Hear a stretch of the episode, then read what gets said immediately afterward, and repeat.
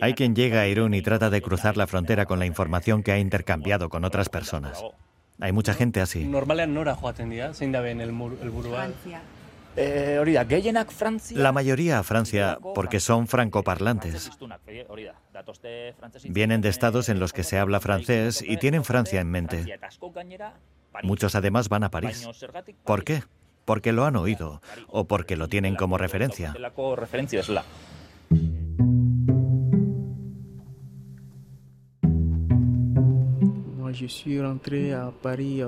Llegué a París el 3 de agosto de 2020.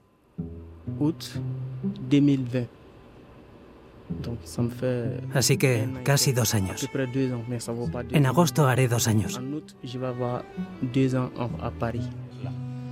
Eh, Pocos van a otros países.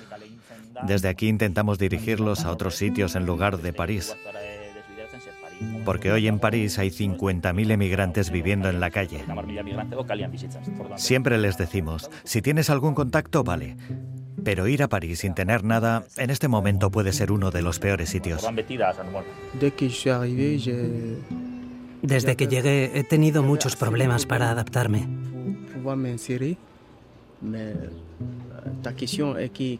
Todavía no he conseguido los papeles y estoy buscando trabajo aquí y allá. Para poder tener algo con lo que dar de comer a mi familia. Encontrar un trabajo estable.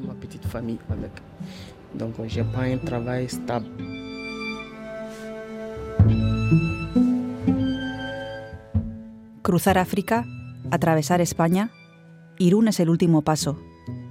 El fotógrafo Gary Garayalde cuenta que la mayoría de los migrantes tienen en mente París pero muchas veces no saben ni dónde está ni cómo es la ciudad. Para que te hagas una idea, algunos han preguntado a los voluntarios si París es más grande que Irún.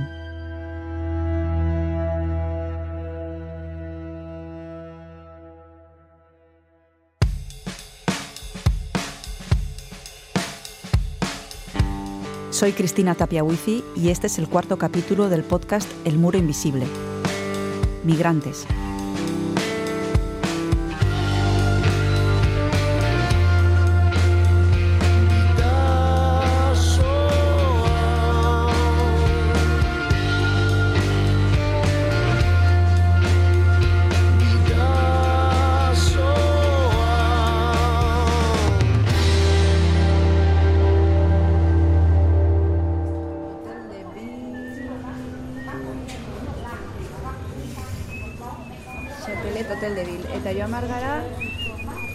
Nosotros también hemos decidido viajar a París.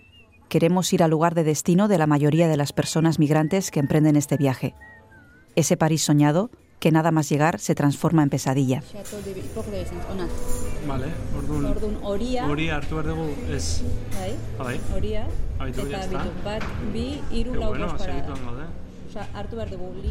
Aunque nosotros, a diferencia de los migrantes, hemos recorrido el camino sin problemas.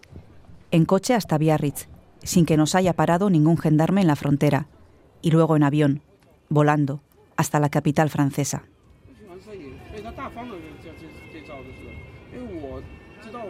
Gary Garayalde nos ha facilitado el contacto de un migrante que pasó por Irún hace unos años y nos hemos citado con él en un hotel situado en el distrito 17 de París.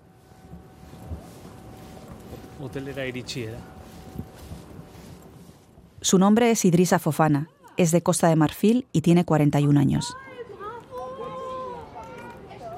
Pensábamos que Idrisa trabajaba en el hotel donde nos había citado y que su jornada finalizaba a las 4 de la tarde. De ahí esa hora, ese lugar. Pero estábamos equivocados. Habíamos sido demasiado optimistas, utópicos. Aún estábamos en un París que no era real.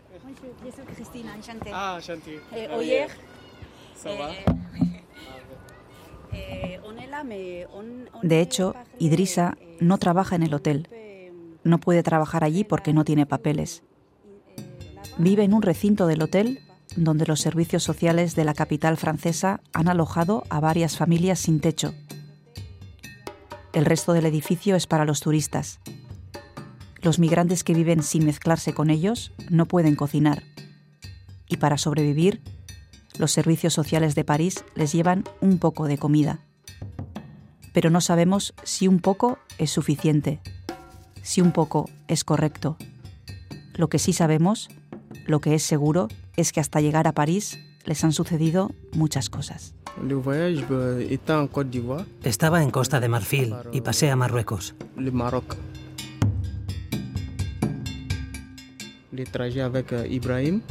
Emprendí el viaje con Ibrahim.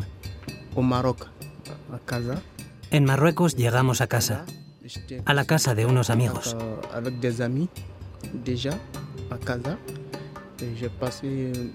Allí estuvimos dos días.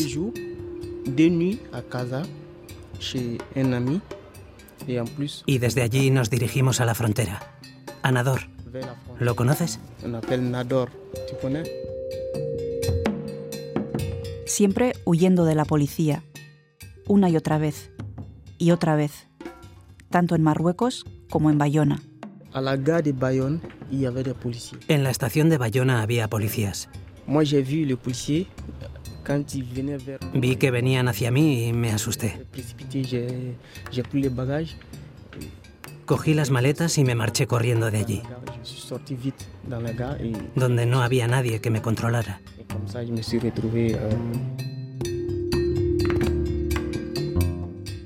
Les llamamos migrantes, como si fueran aves que viajan a países de climas más cálidos, como si fueran viajeros o turistas pero no son ni viajeros, ni turistas, ni aves.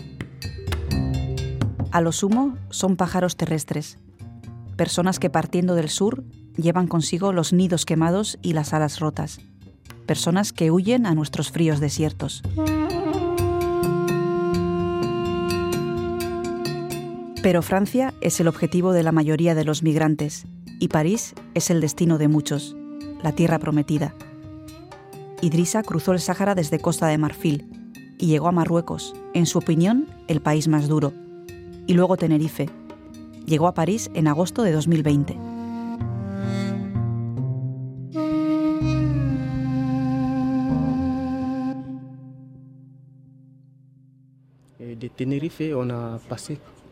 Sí, en Tenerife estuve cuatro meses, en la Cruz Roja.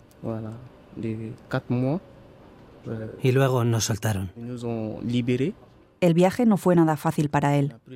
Además del largo y peligroso trayecto hasta el Sáhara, para llegar a Tenerife tuvo que coger una barca, un pequeño bote de madera usado habitualmente por pescadores.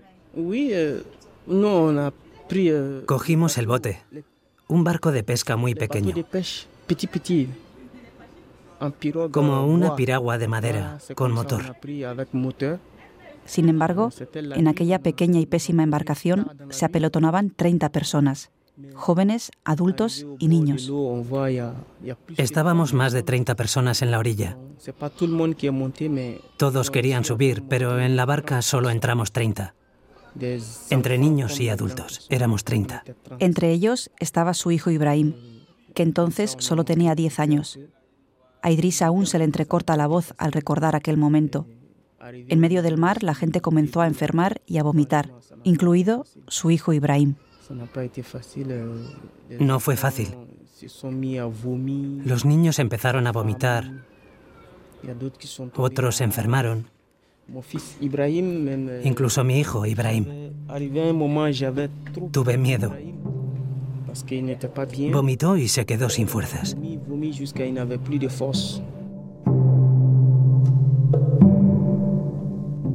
Al recordar el miedo que pasó por su hijo, algo se ha quebrado en el interior de Idrisa.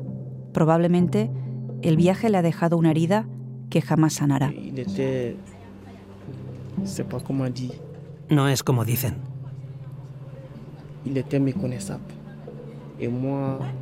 La verdad es que no es fácil para mí. Hubo varios momentos no quiero hablar de eso, no es agradable. Es muy, muy, muy duro. Hay cosas en la vida de una persona que solo pasan una vez.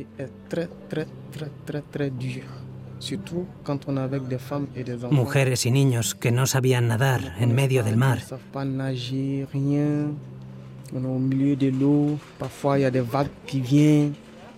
Venían las olas y en la barca la gente gritaba y lloraba. Vimos la muerte de frente.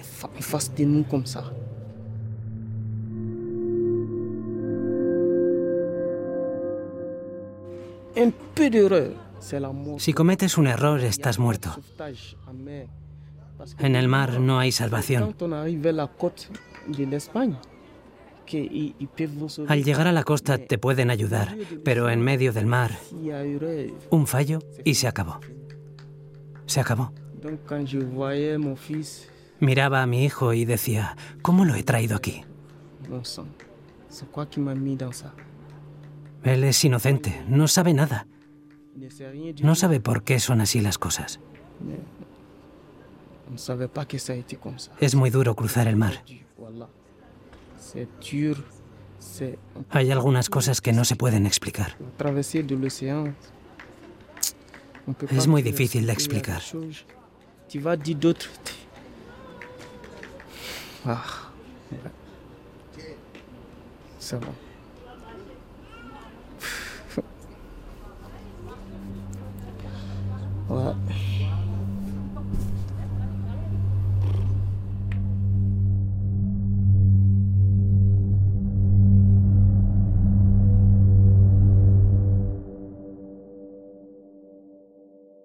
La herida de Idrisa no está cerrada, y nosotros hemos hurgado en ella.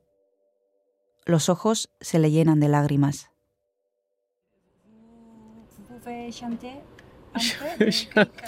Para cambiar de tema le hemos pedido que nos recomiende música de su país. Nos habla de un gran clásico de la música reggae de Costa de Marfil y de otro grupo más reciente, Alpha Blondie y Magic System. C'est dans ma galère que la tout m'a chanté, m'a quitté oh. Ah. C'est dans ma galère que la tout m'a quitté oh. Quand j'avais un peu matin, midi, soir. C'est dans ma galère que la tout m'a quitté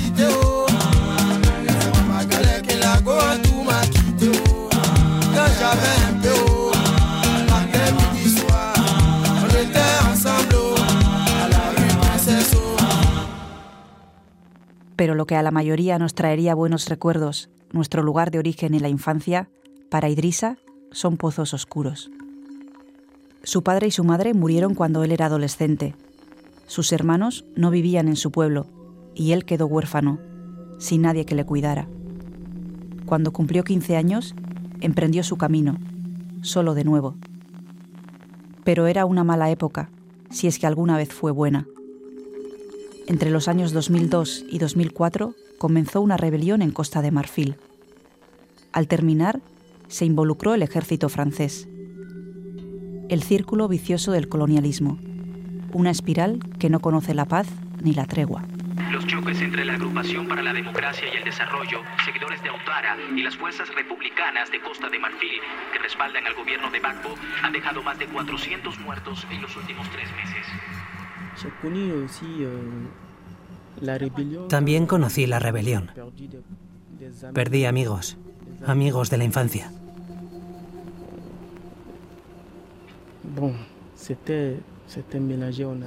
Era aterrador coger las armas. Nunca habíamos visto algo así en Costa de Marfil, solo en las películas.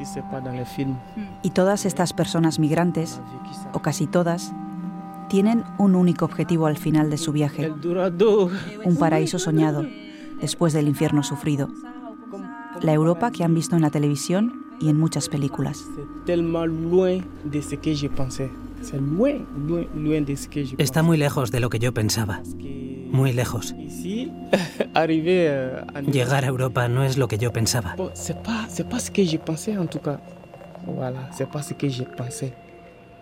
Es duro, la verdad. Hay que reconocerlo.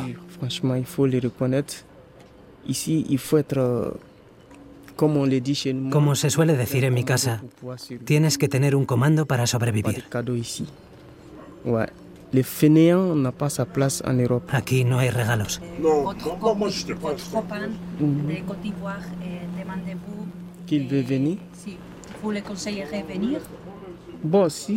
Bueno, yo les aconsejaría que invirtieran allí el dinero necesario para venir a Europa. Tu, Porque cuando llegas a Europa empiezas de cero.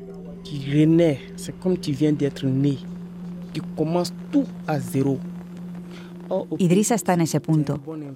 Está empezando de cero y no le está resultando fácil.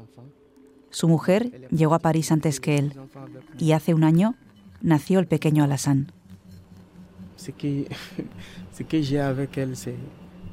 Lo que tenemos entre nosotros es amor absoluto. Nos queremos. Queremos morir juntos. Haría cualquier cosa por ella. Para reunirme con mi mujer hemos pasado muchas cosas juntos, muchas dificultades.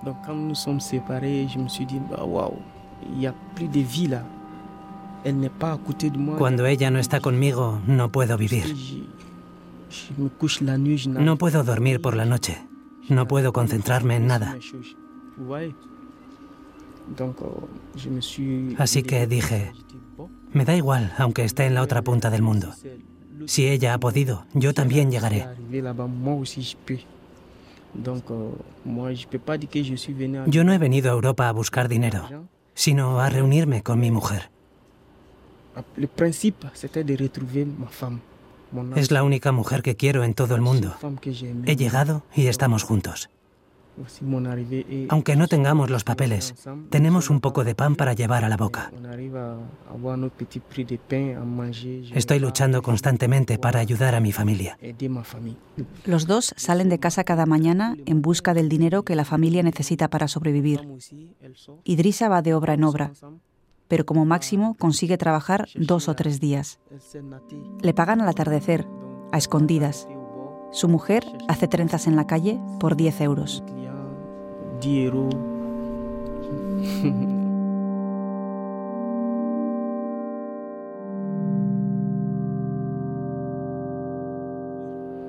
Mais on n'a pas les mêmes chances, vous voyez. No tenemos las mismas opciones. Qui ont des bons métiers, Hay quien tiene buenos oficios, pero no es qui fácil. Mais il y en a aussi, c'est tellement dit, c'est dur, il y, a, il y a la difficulté. Il n'a aucun espoir pour réussir dans la vie. Donc tout ce qui est dans sa tête, c'est de voyager. C'est de voyager, aller connaître le monde aussi.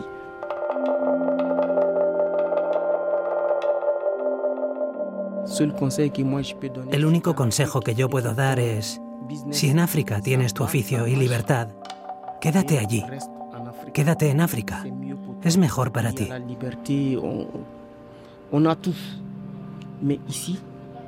La liberté, on, on a tout. Mais ici, tu vas venir, tu vas venir. Aquí reprendre tendrás que à empezar zéro. de cero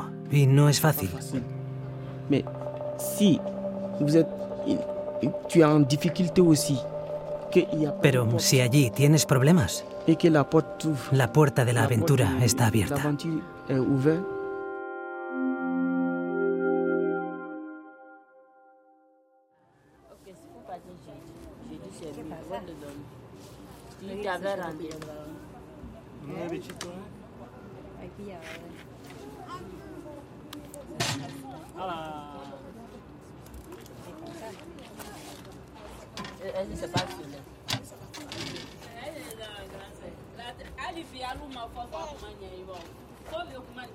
tienes problemas, et que la porte t'ouvre, la puerta de la porte aventura de- está En la puerta del hotel, las mujeres se reúnen con sus hijos. Mientras los niños juegan, los adultos conversan. Aprovechan la calma temporal. Es para ellos un momento de relajación, una conversación sin preguntas ni respuestas concretas. E inmersos en ese ambiente, nosotros también empezamos a jugar con el pequeño Alassane. Alassane.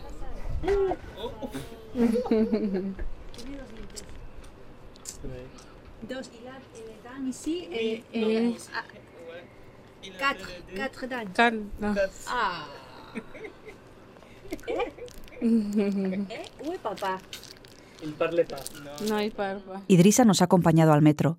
En el camino, tal vez agradecido, nos comenta que los blancos no acostumbran a jugar con los niños de los negros. Nos lo hemos tomado como un cumplido, pero en todo caso es una flor que deja al descubierto las espinas de nuestra sociedad.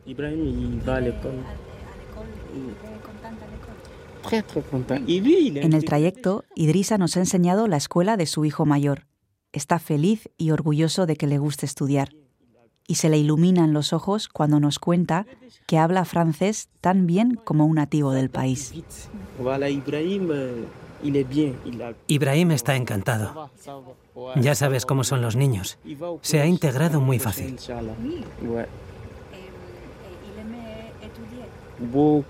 Le encanta la escuela, estudiar. Siempre está entre papeles, incluso también en vacaciones. Prefiere estar con sus amigos en el colegio antes que en casa. Sale a las 8 y llega a las 6.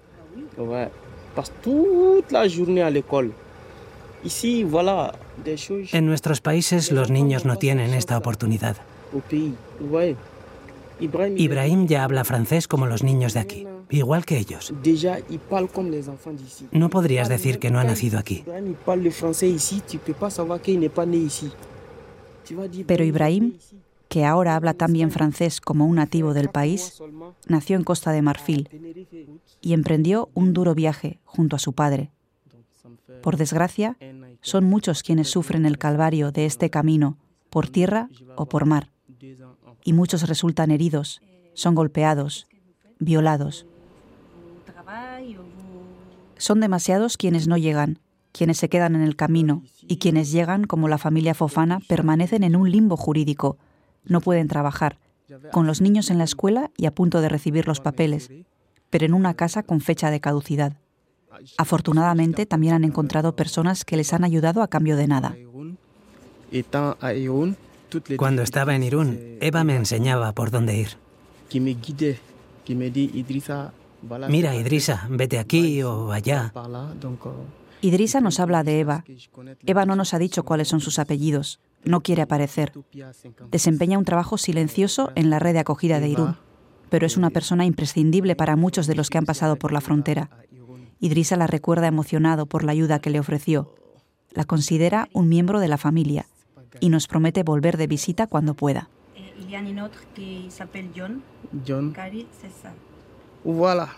Eso es, ese hombre, sí, sí. Me han ayudado mucho. Me llaman para saber qué tal estoy, si la familia está bien. También cita a Gary Garayalde. No recordaba el nombre, pero enseñándole la foto nos ha dicho que era él.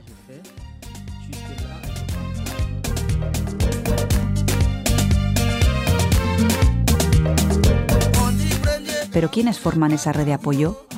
¿Cuál es su trabajo y su día a día? ¿Qué papel juegan para que las personas migrantes consigan los papeles?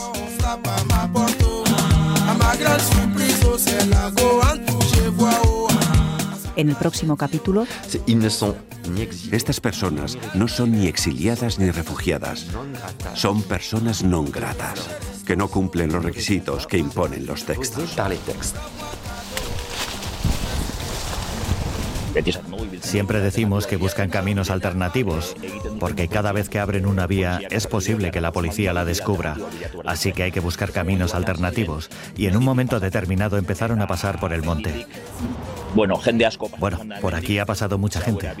Esto se ha utilizado para el contrabando. Esto es lo que usó la red Comet. Lo utilizaba la red Comet para pasar de Iparralde a Egoalde en la Segunda Guerra Mundial.